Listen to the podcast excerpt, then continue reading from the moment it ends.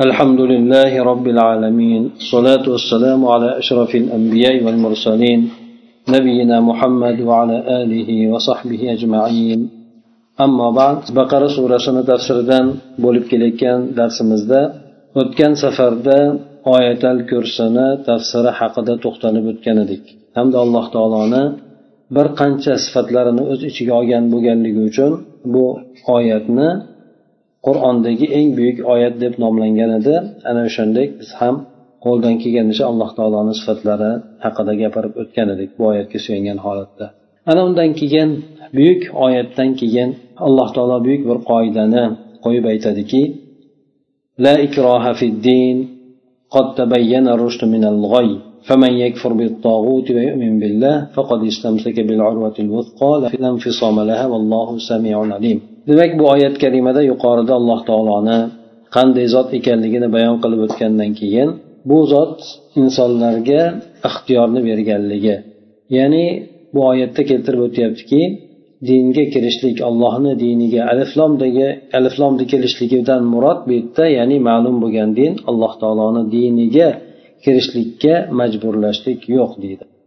Demak mana bu oyat karimani boshida insonlarni o'zlarini ixtiyoriga tashlashlik inson qanoat bilan dinga kirishligiga bo'lgan targ'ib inson qaysi dinda bo'lishidan qat'iy nazar islom diniga kirishlikka majburlanmaydi. Mana bu oyat karimani dalolati bilan. Lekin islom diniga kiradigan bo'lsa u odamdan ixtiyor ko'tariladi.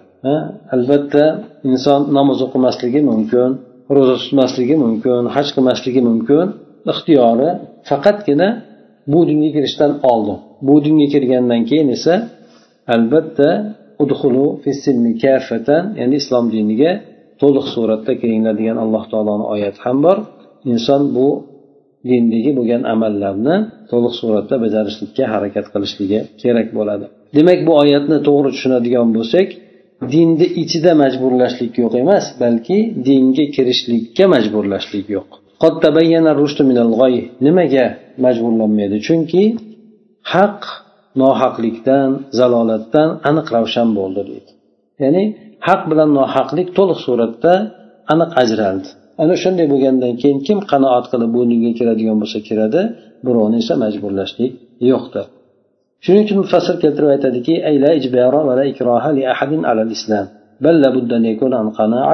بل لابد أن يكون عن قناعة وقد توضح الإيمان من الكفر وتميز الهدى عن الضلال islom diniga bironta odamni majburlab olib kirishlik yo'qdir balki albatta bu islom diniga kirishlik insonni qanoati bilan bo'lishlik kerak darhaqiqat iymon kufrdan ravshan bo'ldi hidoyat esa zalolatdan ajraldi demak payg'ambar sallallohu alayhi vasallam kelgandan keyin haq nohaqdan ajralib insonlar demak dinga kiradigan bo'lsa qanoat bilan kirishliklari agar majburlanadigan bo'lsa bunday majburlashlikka islom dini yo'l qo'ymasligi aytib o'tiladi.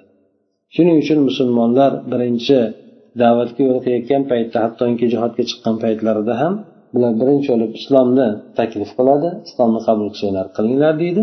Ixtiyoriy bo'lgan suratda agar yo'q deydigan bo'lsa unda jizyaga ko'ninglar bo'lmasa islom hukmi ostida deydi. Unga ham yo'q deydigan bo'lsa unda ular bilan jang qilishligini aytadi. Ya'ni musulmonlar undan tashqari qaysi bir yurtlarni egallashgan bo'lsa u joylarda odamlarni majburan dinga kiritishmagan bu esa o'sha joylarda qolgan yahudiylar bo'lsin nasorolar bo'lsin bularni keyingi paytlargacha o'sha o'zini dinida qolib kelganligi ham bironta odamni islomda majburlab kiritmaganligiga dalolat qiladi لا إكراه في الدين قد تبين الرشد من الغي فمن يكفر بالطاغوت ويؤمن بالله فقد استمسك بالعروة الوثقى لا انفصام لها vallohu samiun alim.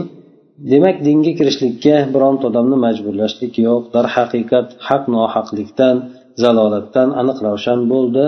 Kimki endi tog'utga kofir bo'ladigan bo'lsa tog'ut ya'ni allohsiz ibodat qilinadigan har qanday narsa o'zini roziligi bilan bo'ladigan bo'lsa buni tog'ut deb aytiladi. Allohdan boshqa har qanday roziligi bilan ibodat qilinadigan narsalarga inson kofir bo'ladigan bo'lsa ularni hammasi o'zini pokligini ifoda qiladigan bo'lsa bayon etadigan bo'lsa va alloh taoloni o'zigagina iymon keltiradigan bo'lsa bu kimsa mustahkam hech ham uzilmaydigan mustahkam bo'lgan arqonni mahkam tutibdi deydi. Bu yerdagi mustahkam arqondan murod islom dinini aytishadi. Alloh taolo samion alim alloh taolo eshitib bilib turguvchi deydi. Nimaga endi bu yerda aynan alloh taolo eshitib bilib turuvchi degan sifat ismlarni keltiradi deb aytadigan bo'lsa bu yerda inson tog'utga kofir bo'lishligi allohga iymon keltirishligi bu asosan til bilan bo'ladigan til bilan aytadigan ifoda qiladigan hamda qalb bilan e'tiqod qiladigan narsa ana shunday narsa bo'lganligi uchun til bilan bo'ladigan narsani alloh taolo albatta eshitadi hamda insonlarni qalbida bo'ladigan e'tiqodlarini ham alloh taolo bilib turadi mufassir keltirib aytadiki أي فمن يكفر بالشيطان والأوثان وكل ما عبد من دون الرحمن ويؤمن بالله وحده فقد استمسك بأوثق عروة وأمتن حبل لا انقطاع له والله سميع لأقوال العباد عالم بأحوالهم شبه تعالى المتمسك بالإسلام بالمتمسك بالحبل القوي المحكم وهو تشبيح تمثيلي رائع demak mufassirni aytadiki kimki shaytonga hamda butlarga kofir bo'ladigan bo'lsa demak tog'utda bu kishi shayton hamda butlar deb tafsir qilyapti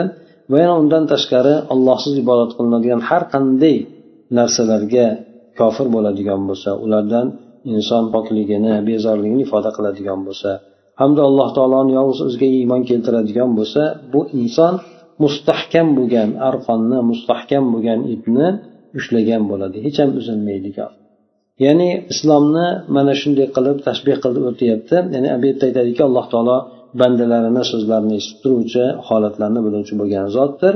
Alloh taolo bu yerda islomni mahkam tutgan odamni xuddi judayam mustahkam bo'lgan kuchli bo'lgan ipni yoki arqonni mahkam ushlagan odamga o'xshatyapti. Bu esa judayam bir ajoyib bir tamsiliy bo'lgan tashbihdir ya'ni judayam ajoyib bir o'xshatmadir deydi. Hech ham uzilmaydigan bo'lgandan keyin bu islom dini ham insonni hayotini hamma yo'g'ini o'z ichiga oladi. Bironta insonni hayotida ochiq joy qolmaydiki islom diniga kirmagan yoki islom dini unga fikrni hukmni bermagan yoki islom dini unga bog'liq bo'lmagan. Ana o'shandek insonni to tug'ilgandan boshlab hayotini oxirigacha bo'lgan muddat zanjir bo'ladigan bo'lsa o'sha zanjirni hamma holatiga islom dini aloqador bo'ladi. Shuning uchun inson ushlaydigan bo'lsa o'sha islom dinini mustahkam uzilmaydigan hech qayeri bir kamchiligi bo'lmagan arqonni ushlagandek deb aytiladi. Demak bu yerda mustahkam arqon deb islomda aytganligi hamma insonni hojatlariga javob beruvchi bo'lgan din bo'lganligidan hech qanaqangi uzilishligi bu yerda bo'lmaydi ya'ni inson bir narsaga e'tiqod qilib yoki bir narsaga hukm talab qilib turib boshqa narsada boshqa dinga yoki boshqa narsaga o'tib ketishligi mumkin emas shuning uchun islom dini mustahkam bo'lgan hech qanaqa o'rtada uzilishligi yo'q bo'lgan din deb aytildi الله ولي الذين آمنوا يخرجهم من الظلمات إلى النور والذين كفروا أولياؤهم الطاغوت يخرجونهم من النور إلى الظلمات أولئك أصحاب النار هم فيها خالدون alloh taolo mo'min bo'lgan kimsalarni do'stidir ularni zulmatlardan nurga chiqaradi kofir bo'lgan kimsalar esa ularni do'sti tog'ut bo'ladi ularni bu tog'utlar ya'ni o'sha kofirlarni nurdan zulmatga qarab chiqaradi ular do'zax egalari bo'ladilar va do'zaxda abadiy qoladilar deb alloh taolo aytadi mufassir keltiradiki ay alloh jalla va ala hafizul mu'minin va mutavalli umurahum يخرجهم بهدايته وتوفيقه من ظلمات الكفر والضلال إلى نور الهداية والإيمان على عكس الكفار فإن أولياءهم أنصارهم الشياطين يخرجونهم بالوساوس والشبهات العليلة من نور الإيمان إلى ظلمات الكفر والضلال وهؤلاء الكفار الفجار مخلدون في نار جهنم لا يخرجون منها أبدا demak alloh taolo mo'min bo'lgan kimsalarni o'z hifzi himoyasi saqlovchidir ularni ishlarini boshqarib turuvchi bo'lgan zotdir Ishlarini boshqarib turuvchi degandan murod ya'ni alloh taolo mo'minlarni yaxshiliklarga yo'llab ularni kamchiliklarni o'tab turuvchi bo'lgan zotdir. Hidoyati bilan tavfiqi bilan alloh taolo insonlarni yoki mo'minlarni zulmat kufr zulmatlaridan zalolat zulmatlaridan hidoyat iymon nuriga chiqaradi. Bu esa kofirlarni aksidadir chunki kofirlarni do'stlari ularni yordamchilari shaytonlar bo'ladi. Shaytonlar esa o'z öz o'zidan vasvasayu har xil nosog'lom bo'lgan shubhalar bilan u kim odamlarni iymon nuridan kufr zulmatlariga zalolat zulmatlariga chiqaradi. Ana bu jinoyatkor bo'lgan kofirlar esa jahannam azobida yoki jahannam o'tida abadiy qoladilar hech qachon chiqmaydilar deydi. Demak yuqoridagi bo'lgan oyatda alloh taoloni judayam katta bir judayam ulug' zot ekanligini judayam buyuk zot ekanligini ifoda qilib oyat al keltirib o'tdida alloh taolo dinni jo'natdi. Dinga shunday jo'natgani bilan shuncha qudratga ega bo'lib turgani bilan alloh taolo hech kimni dinga majbur qilmaydi. Alloh taolo haqni nohaqni aniq suratda bayon qilib berdi. Ana o'shani kim ushlaydigan bo'lsa alloh taoloni mustahkam arqonini tutgan bo'ladi dedida andan keyin alloh taolo kimki allohga iymon keltiradigan bo'lsa bular allohni do'sti bo'ladi dedi. Do'sti bo'lgandan keyin iymonni samarasi bor. Iymonni samarasi bu zulmatlardan nurga chiqarishlik. Zulmatlar deb jam kelib keltiryapti chunki nohaqlik bo'lgan yo'llar ko'pdir. Haq esa bittadir. O'shaning uchun zulmatlar deb turib ko'plik e, yo'llarni aytdi har qanaqangi nurdan yoki islomdan boshqa bo'lgan yo'llarni hammasi zulmat hisoblanadi. Hammasi do'zaxga olib boruvchi zulmatlar hisoblanadi. Ya'ni inson ularda gandiraklab yuradi nurni topolmay yuradi. Shuning uchun islomga alloh taolo o'sha narsalarni hammasidan islomga ularni chiqaradi. Kofirlar esa uni aksida bularni kofirlarni yordamchilari yordamchilari tog'utlar shaytonlar bo'ladi. Nurdan zulmatga chiqarishlikka harakat qiladi. Nur ya'ni islom dini yoki bo'lmasa insondagi sog'lom fitrat. Agar islomga kirgan bo'lsa kufrga haydaydi agar islomga kirmagan taqdirda ham insonni sog'lom fitratidan zalolatga kiritishlikka harakat qiladi. Bular esa o'z öz o'zidan do'zaxga tushadigan kimsalar bo'ladi u yerda esa abadiy qoladilar deb aytib o'tyapti. Ana undan keyin alloh taolo bayon qilib aytadiki alam tara ilallazi haja ibrohima fi robbihi an atahullohul mulk? Ha qarang deydi ya'ni ibrohim alayhissalom bilan birgalikda robbisi borasida alloh taolo unga mulkni bergandan keyin katta bir ne'matni bu dunyoda berib qo'ygandan keyin robbisi borasida robbisini birligiyu borligi borasida hujjatlashgan odamga qaramaysizmi deydi ya'ni yuqorida aytdiki alloh taolo mo'minlarni do'sti va ularni yordamchilari e, valiylari deb aytdi. Ana o'sha narsaga quyidagi bo'lgan qissalarda yoki bo'lgan e, undan keyin kelayotgan hodisa voqealarda alloh taolo uchta shohidni bayon qilib o'tyapti. Haqiqatdan alloh taolo mo'minlarni do'sti ekanligi ularni qo'llab quvvatlab turuvchi ekanligi hamda zulmatlardan nurga chiqarib turuvchi ekanligini alloh taolo bayon qilib bundan keyingi oyatlarda uchta bir shohid yoki uchta bir hodisa voqeani alloh taolo bayon qilib o'tyapti. Qanday qilib? Mo'min bandalarni alloh taolo yordam berganligini mo'min bandalarni o'z himoyasiga olganligi borasida. Shulardan mana ibrohim alayhissalomni nimrud bilan birga bo'lgan qissasi o'shanda nimrud demak e, zolim podshoh bo'ladi alloh taolo o'sha podshohlikni bergan lekin bu esa o'zi ham xuddi fir'avnga o'xshab xudolikni davo qilgan kimsa bo'ladi. Mufassir keltirib aytadiki min amri hadal kafir an nimrud yoki nimrud yoki nimrud ikkalasi ham bo'laveradi الذي بلغ به الفجور والطغيان إلى درجة الحماقة أن يجادل ويخاصم في أمر وجود الله ووحدانيته. أي ألم تبلغك قصة هذا الشقي الكافر الذي جادل الخليل إبراهيم في شأن وجود الله ووحدانيته لأجل أن أتاه الله الملك؟ alloh taolo u kofir bo'lgan nimrodni ishidan eshituvchiga ajablantirishlikni bayon qilyapti. Bu nimrod nima edi? Nimrod kim edi? Bu fujur jinoyatkorlik jinoyatchilik hamda haddan oshishlik buni ahmoqlik darajasiga yetkazib qo'ygandiki bu bilan u hattoki alloh taoloni borligidayu birligida e, talashib tortishlikkacha yetib bordi. Shundan alloh taolo aytyaptiki sizga mana bu baxtiqaro bo'lgan kofirni qissasi sizga yetib kelmadimi deb payg'ambar sallallohu alayhi vasallamga bayon qilyapti. Bu kofir ibrohim alayhissalom bilan birgalikda alloh taoloni do'sti ibrohim alayhissalom bilan birgalikda ollohni borligiyu birligi borasida mujodala qildi. Talashib tortishdi. Lekin sababi nima edi? Bunday qilishligini alloh taolo unga podshohlikni berib qo'ygandida shu podshohlik uni ko'r qilib qo'ydi. Ana o'shandan alloh taoloni birligidagi borligida siz bilan ibrohim alayhissalom bilan talashib tortishlikda إذ قال إبراهيم ربي الذي يحيي ويميت قال أنا أحيي وأميت. أي حين قال له إبراهيم إن الدليل على وجود ربي أنه إله عظيم قدير ينشئ الخلق من العدم ثم يحييهم ويخلق الحياة والموت وهو أعظم برهان على وجود الرحمن. فكان جواب الفاجر له وأنا أيضا أحيي وأميت.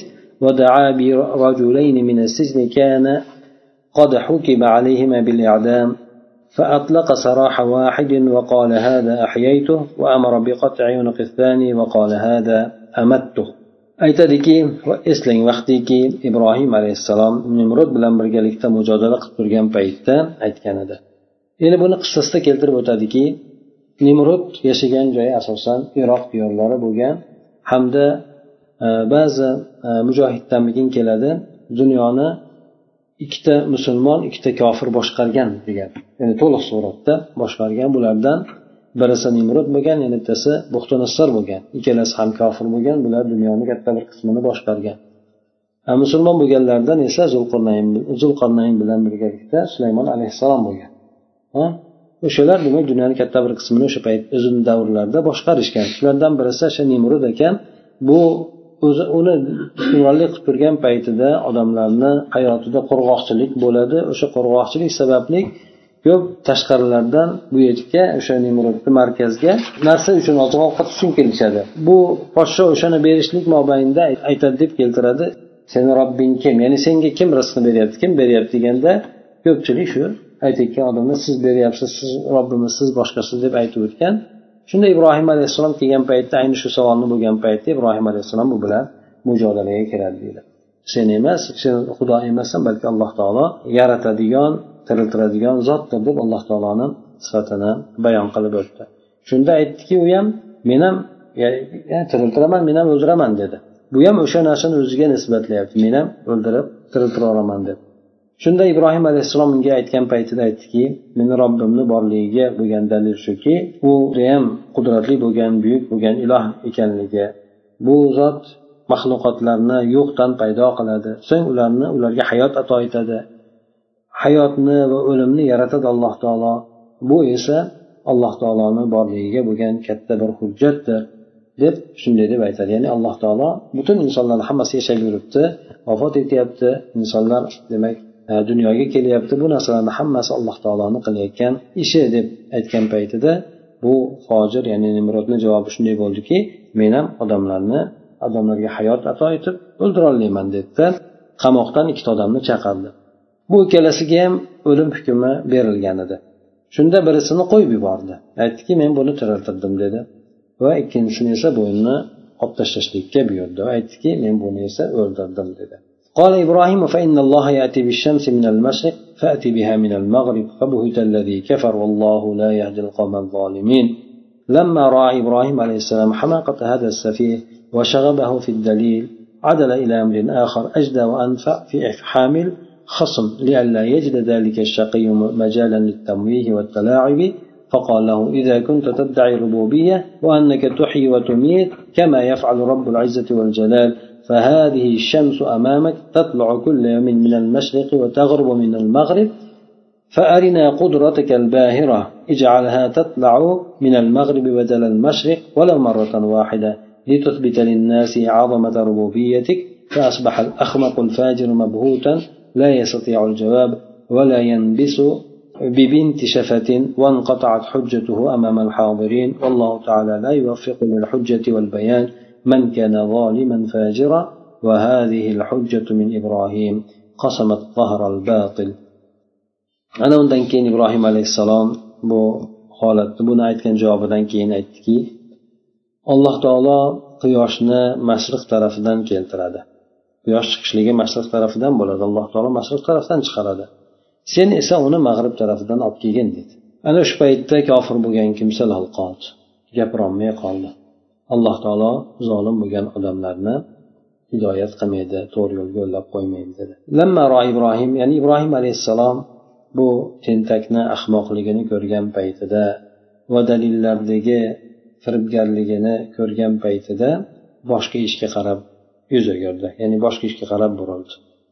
Bu esa o'sha husumatchini talashayotgan odamni og'zini yumib qo'yishlikka foydaliroq hamda shu loyiqroq edi. Toinki o'sha baxtiqaro bo'lgan kimsa bir o'yin qilishlikka firib qilishlikka bir holatni topmasin yoki bo'lmasa bir e, o'ynashlikka bo'lgan bir imkoniyatga ega bo'lmasin.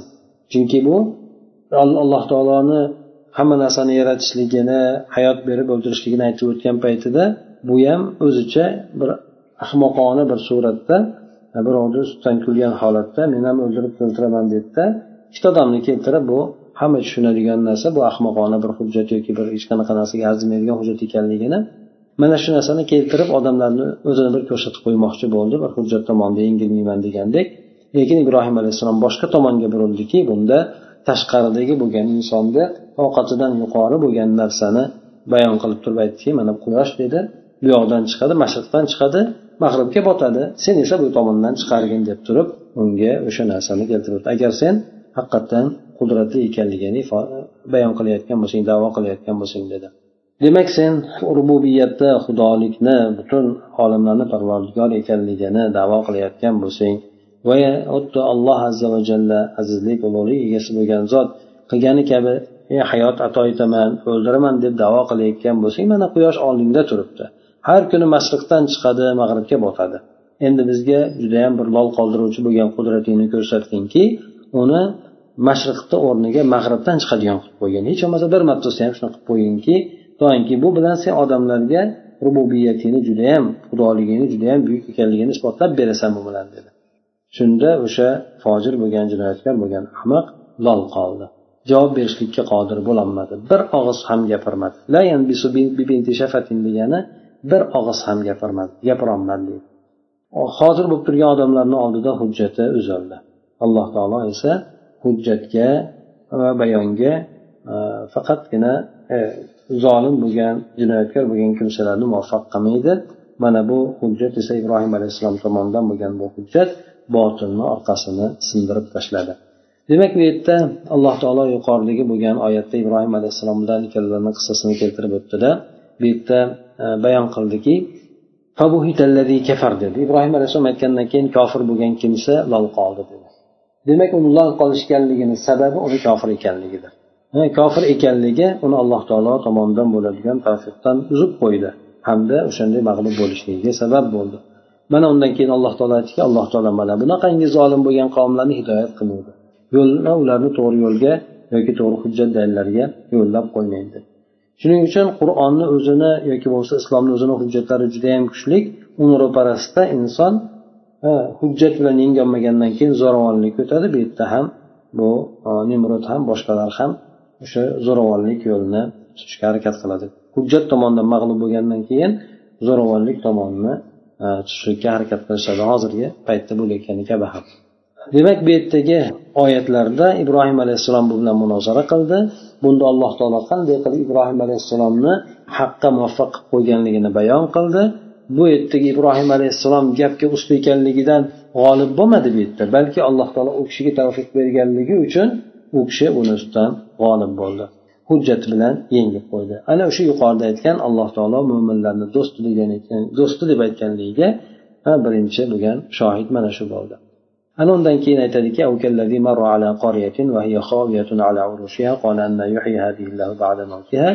فأماته الله مئة عام ثم بعثه قال كم لبثت قال لبثت يوما أو بعض يوم قال بل لبثت مئة عام فانظر إلى طعامك وشرابك لم يتسنه وانظر إلى حمارك ولنجعلك آية للناس وانظر إلى العظام كيف ننشزها ثم نكسوها لحما فلما تبين له قال أعلم أن الله على كل شيء قدير demak alloh taolo mana bu yuqoridagi bo'lgan o'qigan oyatlarimizda ikkinchi bir hodisani alloh taolo bir qudratini bayon etib qo'yishlik yuqorida aytdiki alloh taolo demak yarata o'ldiradi hayot beradi Deb aytdi. Hayot beradi demay o'ldiradi mana shu yerda uni alloh taolo mana bu keyingi oyatda uni tasdiqini ko'rsatib berdi bizga.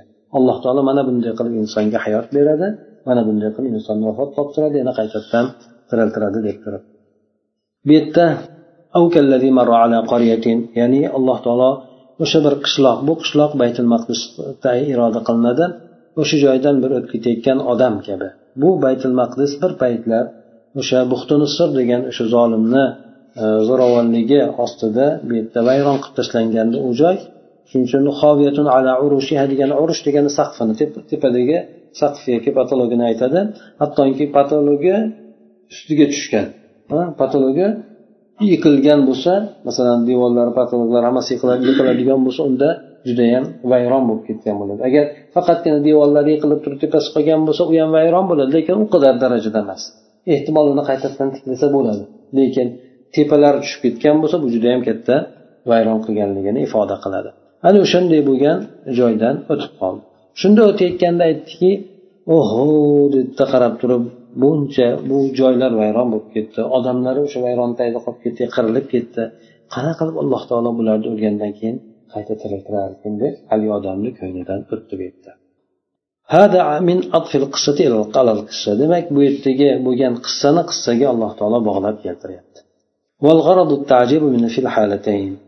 Bu yerdagi maqsad nimaga bu qissani keltirdi desa qissani keltirishidagi maqsad ikkala holatda ham insonni taajjubga soladigan narsa bor. Birinchisi nimrudni qilgan ishidan bo'ladigan bo'lsa ikkinchisi esa uzayrni bir g'arib sanashligidan ya'ni bir insonni uzayr deb keltirishyapti allohu alam. Uzayr bu e, bani isroilga yuborilgan payg'ambarlarni birisi deb e'tibor qilinadi. Lekin bu yerda u kishi haqida aytib o'tgan gap bu ba'zi mufassirlarni keltirgan gaplaridan e, lekin oyatda esa bu kishini yoki boshqasini aniq aytilmagan. Shuning uchun lekin bu yerda o'tayotgan odam g'arib sanaganligi ya'ni e, mo'min bo'lib turib e, allohga iymon keltirib turib alloh shunday narsani qayta tirilishligidan inson g'arib bo'lishligidan bu yerda ajablanishlik bordir. إعادة الحياة إلى المدينة المدمرة على أهلها مدمرة على أهلها وكلتا القصتين تنبيه واضح على قدرة رب العالمين في الإحياء والإماتة والمعنى ألم يصل إلى سمعك ويبلغك؟ خبر عزير حين مر على مدينة بيت المقدس التي خربها بخت نصر المجوسي وقتل أهلها فجعلها خرابا يبابا حتى سقطت جدرانها على سقفها. فقال ذلك الرجل كيف يحيي الله هذه البلدة بعد خرابها ودمارها وكيف يحيا أهلها بعد هذا الفناء والدمار المريع demak bu yerda uzayrni o'sha harob bo'lib ketgan shaharni yana qayta ahlini ustida harob bo'lib ketgan ya'ni ahli o'sha yerdagi odamlar bilan birgalikda harob bo'lib ketgan vayron bo'lib ketgan shaharni yana qaytadan unga hayot berishligidan ajablanishligi bor g'arib sanashlik ya'ni uzoq sanashligi bor shundan ajablanishlik bordir deydi. Ikkala qissa ham bu yerda alloh taoloni insonlarni yoki butun maxluqotlarni tiriltirishligida hayot berishligida vafot toptirishligidagi bo'lgan qudratiga ochiq bo'lgan tanbeh bor. Ya'ni alloh taolo judayam shunaqa qudratli bo'lgan zotki butun insonlarga hayot ato etadi ularga ularni vafot toptiradi ham. Bu yerdagi oyatni ma'nosi shu bo'ladiki ey muhammad sallallohu alayhi vasallam sizni qulog'ingizga yetib kelmadimi? Uzayrni xabari yetib kelmadimi? Yetmadimi? Sizga kelmadimi uzayrni xabari deb aytadiki bu yerda u kishi baytul maqdisni baytul maqdis shahridan o'tib qolgan edi. Buxtinisir majusiy esa u baytul maqdisni harob qilgan vayron qilgan va u yerdagi yashaydigan aholini o'ldirgan edi. Buni degani tep tekis xarobazor qilib qo'ygandi. Yababan degani sahro degani ya'ni hech narsasi yo'q bo'lgan shunaqangi vayron qilib tashlagan edi ya'ni na daraxt qolgan na uylari qolgan sahroga aylanib qolgan qilib tashlagan edi hattoki devorlari nimasini ustiga tushgandi e, shiftini ustiga tushgan edi ya'ni hamma yo'g'i vayron bo'lgandi ana o'sha odam aytdiki qanday qilib alloh taolo bunchalik haroba bunchalik vayronagarchilikdan keyin bu shaharni qayta tiklar ekan? Ya'ni qanday qilib uni odamlari bunday bo'lgan fanodan keyin judayam qo'rqinchli bo'lgan vayronagarchilikdan keyin yana yashab ketar ekan deb turib haligi odam g'arib sanadi. Bu yerdagi g'arib sanagani vallohu alam shaharni qayta tiklanishligidan emas balki odamlar yo'qolib ketdi. Osti ustun bo'lib o'sha nimalarni osti qolib ketdi.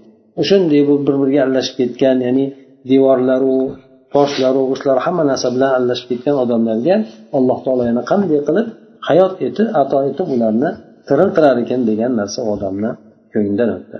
shunda ثم بعثه قال كم لبثت قال لبثت يوما أو بعض يوم قال بل لبثت مئة عام o'sha paytda alloh taolo uni vafot toptirdi hattoki yuz yilga vafot toptirdi so'ng uni qaytadan tiriltirdi deydi aytdiki qancha turding dedi qancha turding deb o'ylaysan deganda odam aytdiki ho kunga qarab turib bir kunmi yoki bir yarim kunmi turdim xolos deb aytadi alloh taolo aytadi balki sen yuz yil turding deydi أي أماته سبحانه مئة سنة. ثم أحياه ليريه كمال قدرته وسأله كم مكثت في هذا الحال هذه الحال.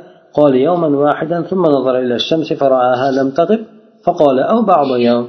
قال بل مكثت مئة, مئة سنة كاملة وكان عزير حين وقف على أطلال المدينة الخربة راكبا على حمار وكان معه تين عصير, عصير عصير عنب وهما مما يتسارع إليه الفساد فقال له ربه.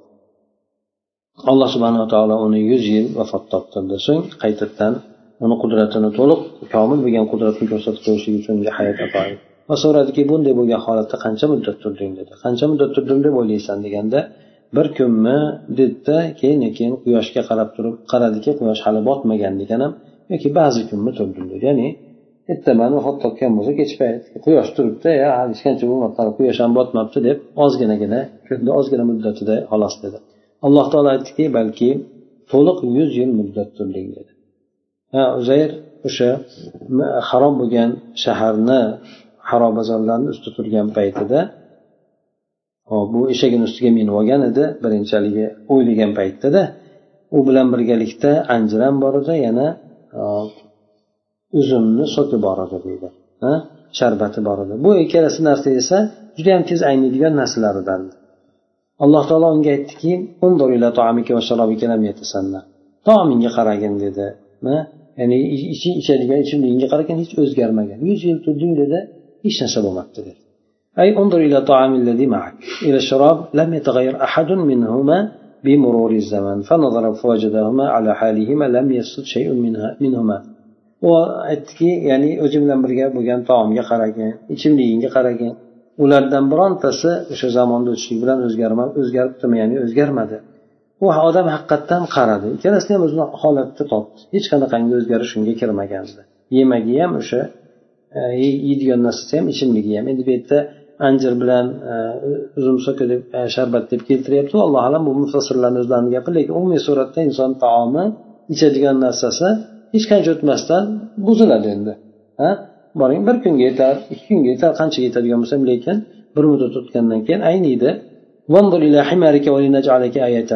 endi eshagingga qaragin bir tomonda demak taomingga qaragin dedi ikkinchi tomonda bir eshagingga qaragin dedi biz seni o'sha odamlarga bir e, oyat bir mo'jiza qilishlik uchun shunday qildik odamlar bilsinki qayta tirilishlik bor bu narsa أي وانظر إلى حمارك الذي كنت تركبه كيف تفرقت أوساله ونخرت عظامه وسنحييه أمامك ففعلنا ذلك لنجعلك آية باهرة ومعجزة واضحة دالة على كمال قدرتنا endi sen o'zing minib turgan eshagingga qaragin dedi qanday qilib uni bo'laklari ajrab ketgan parcha parcha bo'lib ketgan deyotganlar hamda uni oyoq qo'llari ajralib ajralib ketganda suyaklari esa chirib ketgan demak bir tomondan yemagi ichmagi shu holatda turibdi aynishi mumkin bo'lgan narsasi aynimasdan turibdi. Ancha muddat turishi mumkin bo'lgan eshagi yo'q bo'lib ketgan aytganda chirib ketgan. Ajib bir holatda alloh taolo unga bayon qilib berdi. Biz buni qildik dedi. Ya'ni o'shani oldingda biz o'zimiz ko'zimiz bilan hali tiriltiramiz dedi. Eshakni shunday ko'zingni o'ngida biz eshakni o'zini holatiga keltiramiz dedi. Biz bu narsani senga qilib berdik. Doimki bu narsada seni shunday holatga kelishligingga sen bilan birga bo'lgan narsa shunday holatga kelishligida bu bizni to'liq qudratimizga dalolat qiluvchi bo'lgan ochiq ravshan mo'jiza bor judayam aqlni qoldiruvchi bo'lgan belgi alomatlar bor mana shu narsalarni qilishlik uchun bu narsalarni biz amalga oshirdik deb aytadi وانظر إلى طعامك كيف وانظر إلى العظام كيف ننشزها ثم نكسوها لحما أي وانظر الآن بعينيك لترى كيف تحيي لك الحمار كيف ننشزها أي كيف نركب بعضها فوق بعض ثم نكسوها لحما بقدرتنا فنظر فإذا بالحمار يقوم على رجليه ثم ينحق endi suvaylarga qaragin dedi shishirib ketgan suvaylarga qaragin dedi qanday qilib biz ularni bir biriga tarkiblab bir biriga joylashtirib moslashtirib turib keyin ustiga uni e, go'sht kiydiramiz dedi o'zini ko'zini o'ngida shu narsalar bo'lyapti demak fasl keltirib aytadiki o'z ko'zing bilan endi qaragin yoki biz senga eshakni qanday qilib tiriltirib beramiz. Qanday qilib biz uni ba'zisini ba'zisiga tarkiblaymiz. Ha suyaylab to'kilib ketadiku odam hayvonda ham endi o'lgandan keyin. Keyin undan keyin esa o'zimizni qudratimiz bilan unga go'shtni kiydiramiz dedi. Haligi odam qarasa demak eshagi oyoqqa turib hangray boshladi. Osmoni tirildida hamda o'sha ovoz chiqarib hangradi.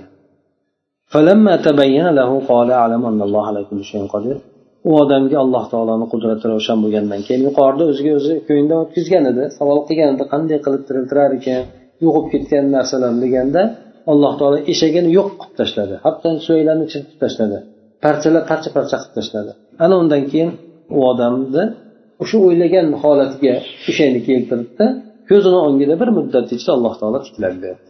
Ana u odam alloh taoloni qudrati har qanaqangi holatda ham alloh taolo qayta tiklashlikka qodir ekanligini bayon qilishligi ravshan bo'lgach aytdiki endi bilan bildimki aniq bo'lgan suratda yana ham aniq ishonib bildimki alloh taolo hamma narsaga qodir ekan dedi أي فلما رأى ما رأى من آيات قدرة الله العظيمة قال أشهد أن الله قادر على كل شيء وأنه يحيي الموتى وهو الإله الحق المعبود الذي لا يعجزه شيء في الأرض ولا في السماء وهذا الرجل عزير الذي أماته الله مئة عام ثم أحياه هو الذي زعم اليهود أنه ابن الله لهذه الآية الباهرة التي جرت عليه. وأدام الله تعالى قدرة بيك بيان قدرت لدن كورجان نكورجاج أتكي guvohlik beramanki albatta الله تعالى hamma narsaga qodir الله تعالى taolo demak o'liklarni tiriltirar ekan u yagona bo'lgan haqiqiy ma'bud ekan. Biron narsa yerda bo'lsin osmonda bo'lsin u zotni ojiz qoldirmas ekan u zotni tasarrufidan tashqarida bo'lib ketmas ekan yoki u zotga og'irlik qilmas ekan. Mana deb haligi odam aytdi. Mana bu odam uzayr edi deb bu kishi mufassir aytyaptiki bu bu uzayrni alloh taolo e, yuz yilga vafot toptirgan keyin unga hayot yana ato etgan qayta tiriltirgan edi. Mana bu odam haqida yahudlarda aytishadiki yahudlarni hammasi emas ba'zi toifalar aytadiki bu alloh taoloni o'g'li deb aytishadi. Xuddi iso alayhissalomni e, xristianlar o'g'li degandek yahudlarni bir qismi bir toifasi uzayr alayhissalomni ollohni o'g'li deb aytishadi. Mana shu u kishiga joriy bo'lgan aqlni lol qoldiruvchi bo'lgan mo'jiza sabablik deydi. Mana shu narsa sababli o'g'il deb aytishadi. Mana aytadiki mana yahudlar aytishadiki uzayr allohni o'g'li deb aytishadi وما هو إلا عبد من عباد الله أظهر الله قدرته للبشر في إحيائه بعد موته alloh taolo ularni halok qilsin qayerda bo'lishidan qat'iy nazar ularni alloh taolo hayot qilsin anna yufakun degani qayerga qarab ketishyapti bular ya'ni aqllari joyidami bularni degan ma'noda aytiladi bu so'z bu kishi nari borsa alloh taoloni bandalaridan bir banda xolos alloh taolo qudratini ya'ni insonlar uchun bo'lgan qudratini mana shunday o'lgandan keyin tiriltirishligida izhor qilib bayon qilib berdi bu keltirgan oyatlar orqali deb aytiladi. Demak bu yerdagi haligi odam aslida alloh taoloni yaratishligiga ishonadi ya'ni undan tashqari bo'lgan yoki alloh taoloni qudratiga ishonmaydigan odam emas balki haligi ishlar ishonadiyu lekin judayam ishlar chalkashib ketganligi uchun qanaqa qilib bunchani alloh taolo qayta tiriltirar ekan deb odamni o'zida shubha paydo bo'lib qoladi. Garchi alloh taoloni qudratini bilsa ham ana o'shanday bo'lgan narsaga alloh taolo buni o'z ko'zini o'ngida bu narsalarni ko'rsatib berdi. Ha? Ya'ni bo'lib ham bir tomondan ishonadigan bir tomondan ishonmaydigan qilib ya'ni qanday? Ya'ni qo'ldek bo'lgan yemak ichmagi hech narsa bo'lmagan. U lekin minib turgan eshagi vayroni yo'q bo'lib ketgan bunday aytganda chirib ketgan. Ana o'shandan demak alloh taolo bunga ikki xil holatini bayon qilibdi mana shunday yo'qolib ketadigan bo'lsa alloh taolo shunday qilib asli holiga tiklab beradi deb keltirdi. Bu yerda mana e'tibor qiladigan bo'lsak yuz yilga alloh taolo demak odamni vafot toptirib qo'yib yuz yildan keyin qayta tiriltirdi bu alloh taolo judayam sabrli zot ekanligini bayon qiladi. Ha kaf surasidagilarda nima qilganda uch yuz yildan oshiqroqqa vafot toptiradilar. Ha bu odamni esa mana yuz yil shunday vafot etdiyu bu odam go'yoki alloh taolo qayta tiriltirgan paytda ya'ni hech qanaqa bu haqiqiy vafot topmadida bu odamni ustida qabr boshqa hayotlar o'tmadi. Faqatgina alloh taolo mo'jizasini bayon qilish uchun shu dunyoni o'zida tiriltirib e, o'ldirib tiriltirib qo'ydi. Shuning uchun bu odamda barzax hayotiga bu odam kirmadi. Ya'ni qabrdagi so'roq savol boshqa narsalar bu odamga joriy bo'lmadi. Bu yerdagi demak bu odam shuning uchun judayam qisqa xuddi bir odam uxlab turgandek bo'ldi. Bu odam go'yoki uxladida turgandek bo'ldi. Orada hech narsa bo'lgan lekin qabrga qo'yilgan paytda bu qadar darajada bo'lmaydi insonga ya'ni inson qo'yilishligi hisob kitob bo'lishligi so'roq savol bo'lishligi undan keyin keyin yo ne'mat yoki azob rohat shunaqa narsalar insonni boshida kechadi. Demak bu yerdagi aytgan narsasida bir muddat turdik deb aytayotgan narsasi bu faqatgina shu dunyoni o'zida kechgan holat. Go'yoki inson uxlagandek o'tib ketgandek bo'ladi. Demak bu qissani keltirishligida demak alloh taolo mo'min bo'lgan bandasini alloh taolo yana bir ko'nglini xotirjam qilishligi yana himoyasiga asrab olishligi alloh taolo iymonni qoldirishligi hamda iymonni o'zini yana ziyoda qiladigan narsani o'zini ko'zini o'ngiga berishligi bu yana undan tashqari alloh taolo hamma narsaga qodir ekanligi o'liklarni turuvchi zot ekanligini bayon qilib o'tdi. Yuqoridagi bo'lgan birinchi qissani davomi suratda undan keyin esa uchinchi qissada ham alloh taolo ibrohim alayhissalom to'g'risida keladi. Bu ham bu yerda ham qanday qilib alloh taolo tiriltirganligini bayon qiladi. Nima uchun bu narsani bayon qiladi desa chunki shirkni asli mana shu alloh taoloni nimasiga ishonmaslikka qurilgan. Oxiratiga ishonmaslikka qayta tirishligiga ishonmaslikka qurilgan. Bu yerda u buxtanassar bo'lsin yoki makka mushriklari bo'lsin yo boshqalar bo'lsin u alloh taolo